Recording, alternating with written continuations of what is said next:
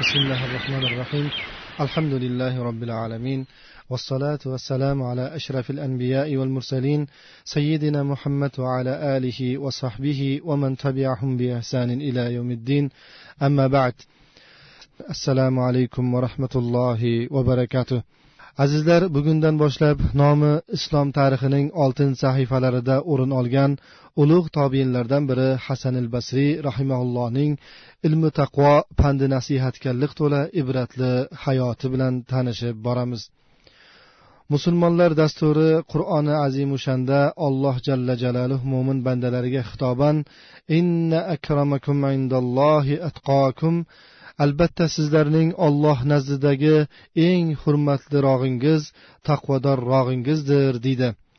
Ushbu oyatda islom dinining insoniyat olamiga nisbatan bo'lgan ko'z qarashi bayon etilgandir. Birinchidan barcha insonlar bir ota onaning farzandlaridir. Ikkinchidan turli el urug'larga bo'linishlari bir birlari bilan yer yoki mol dunyo talashib urush janjal bilan umr o'tkazishlari uchun emas balki bir birlari bilan tanishib hamkorlik qilishlari va birgalikda o'zlari xalifa bo'lgan zaminni obod qilishlari uchundir. Va nihoyat uchinchidan odamlarning alloh taolo huzurida obro' e'tiborli bo'lishlari mol dunyo yoki oliy nasab bilan emas balki ollohdan qo'rqish va u zot nozil qilgan amr farmonlarga itoat etish bilan bo'lur. Aloviddin mansur hujurot surasi. Odamlarni izzat ikromli obro' martabali qilish tarozusi ollohning ilkidadir. Parvardigor qur'on ila bir qavmga obro' e'tibor bersa unga amal qilmagan qavmni agarchi oliy nasab bo'lsa da yer bilan yakson qiladi.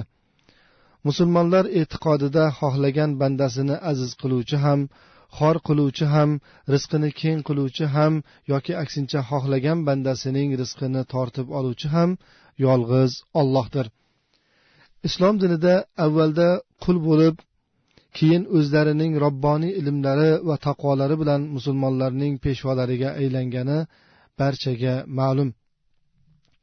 Biz hayoti bilan tanishmoqchi bo'layotgan ulug' tobiin hasan al basriyning otasi yasar mison shahrida asirga olingan qullardan biri bo'lgan. Uni anas ibn molikning ammalari rabiya binti nozir sotib olib ozod qiladi. Hasanning otasi yasar ulug' sahobiy va vahiy kotiblaridan biri zayd ibn sobit al ansoriyning quli bo'lgan. Hasan basriyning aytishicha u kishining ota onasi bani najjorlik bir kishining xizmatkori bo'lganlar. O'sha kishi bani salamadan bir ayolga uylanadi va ota onamni yangi xotinining mahri uchun olib boradi. Boyning bani sanamalik xotini hasan basriyning ota onasini ozod qiladi. Hasan rahimaullohning onasi xayra ismli ayol bo'lib u janob rasululloh sollallohu alayhi vasallamning ayollaridan biri mo'minlar onasi ummu salima roziyallohu anhoning kanizagi bo'lgan. Iroqdagi basra va vosit shaharlarining oralig'ida joylashgan mison viloyatida ulug' tobiin hasan basriyning ota onasi musulmon lashkarlari tomonidan asirga olinadi. Mison asirlari madina sari haydalayotgan davrda hasan onasining bo'yida edi. Yasar va hayrani bani salim salamalik ayol ozod qilgach hasanning otasi yasar zayd ibn sobitning onasi xayra esa ummu salama roziyallohu anhaning oldida xizmat qila boshladi. Asirga tushib qul bo'lib sotilgan misonlik yasarning boshiga baxt qushi qo'nadi. Negaki yasarning xotini xayra dunyo ko'rgan eng sharafli xonadonda rasululloh sollallohu alayhi vasallam xonadonida xizmat qilish sharafiga erishdi. Oyi kuni to'lib yurgan xodimasining ko'zi yorishgan kun buni eshitgan ummul mo'minin ummu salama onamiz sevinchdan o'zini qo'yarga joy topolmay qoladilar. Ummu salama onamiz oldiga suyunchiga kelgan bola suyunchi bering xayri o'g'illi bo'ldi deya olam olam xushxabarni yetkazdi. Bu kun chinqirig'i dunyoga larza keltirgan hasan ibn abul hasan dunyoga kelgandi. Ummu salama onamiz suyunchiga kelgan bolaga borib aytgin xayra o'g'lini ko'tarib tezda biznikiga kelsin deb tayinladilar. Oradan uzoq vaqt o'tmay xayra qo'liga bolasini ko'targancha ummu salama onamizning xonadoniga kirib keldi. Dumboqqina ko'zga yaqin to'liqqina shirindan shirin jajji chaqaloqni ummu salama roziyallohu anhu qo'liga olib yuzi ko'zidan o'pdilar. So'ng xayraga qarab bolachaga ot qo'ydilaringmi? dedilar.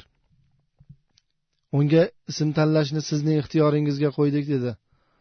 Undoq bo'lsa dedi ummi salom onamiz bu jajji bolaning otini hasan qo'yamiz. So'ng ikki qo'lini samoga ko'targancha go'da haqiga uzundan uzoq duoyi xayr qildilar. Mo'minlar onasi ummi salama onamiz hasan deb ism qo'ygan ko'rkam chaqaloq mo'minlar onasining muborak ko'ksidan sut emish baxtiga ham erishgandi. Onasi ummu salama onamizning xizmatiga uringan vaqtlarida ummu salama onamiz yig'loqi hasanni ko'kraklari bilan ovuntirar edilar mo'minlar onasining mehri jo'shganidan hasanning og'ziga tutgan ko'kraklaridan tirqirab sut keladi. Shu bois hasan mo'minlar onasining ham moddiy va ham ma'naviy tarbiyasini olgan holda g'oyaga yetdi. Hasan ibn abul hasan rahimaulloh umar ibn foruq roziyallohu anhuning oxirgi ikki yili qolganda aniqrog'i yigirma birinchi hijriy yili tavallud topdilar. Hasan dunyoga kelganlaridan so'ng oradan bir qancha vaqt o'tkazib ummu salama onamiz hasanni mo'minlar amiri xalifa umar roziyallohu anhuning huzuriga jo'natdilar. Hasanni qo'liga olgan umarul foruq ilohim bu bolani faqih qilgin deb duo qilgandilar. Ummul mo'minin ummu salama onamizning xonadoni qolgan kundoshlarinikiga yonma yon joylashganligi sababli ko'rkam bolakay hasan rasululloh sollallohu alayhi vasallam zavjalarining tarbiyasini olib taqvo va iymon hovlisida qad ko'tara boshladi. Holbuki hasanni jonidan aziz ko'rganidan onasi uzoqlab qolsa ko'kragini tutgan janob rasululloh sollallohu alayhi vasallamning zavjalari hind binti suhayl xalq orasida nomlari ummu salama deb mashhur bo'lgan ayolning tarbiyasini olish hasan uchun eng oliy sharaf edi. Ummu salama onamiz rasululloh sollallohu alayhi vasallamdan to'rt yuzga yaqin hadis rivoyat qilganliklari hamda aqlli va serfazilat ayolliklari barchaga ma'lum. Ana shunday mo'minlar onalaridan birini emish hasanga nasib etdi. Ayni paytda onasi xayra ham hasanga qattiq e'tibor berar.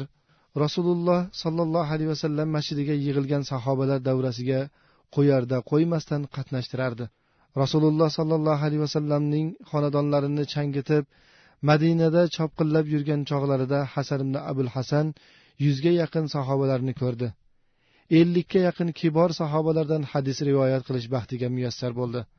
U jumladan usmon ibn affon ali ibn abu tolib abu musa al ashariy abdulloh ibn umar abdulloh ibn abbas anas ibn malik jabir ibn abdulloh va boshqa juda ko'pchilik sahobalardan hadis rivoyat qilgandi. Hasan ibn abul hasan xalifa usmon ibn affonni yuzlarida chechagi bor kishi edilar deb sifatlaydi.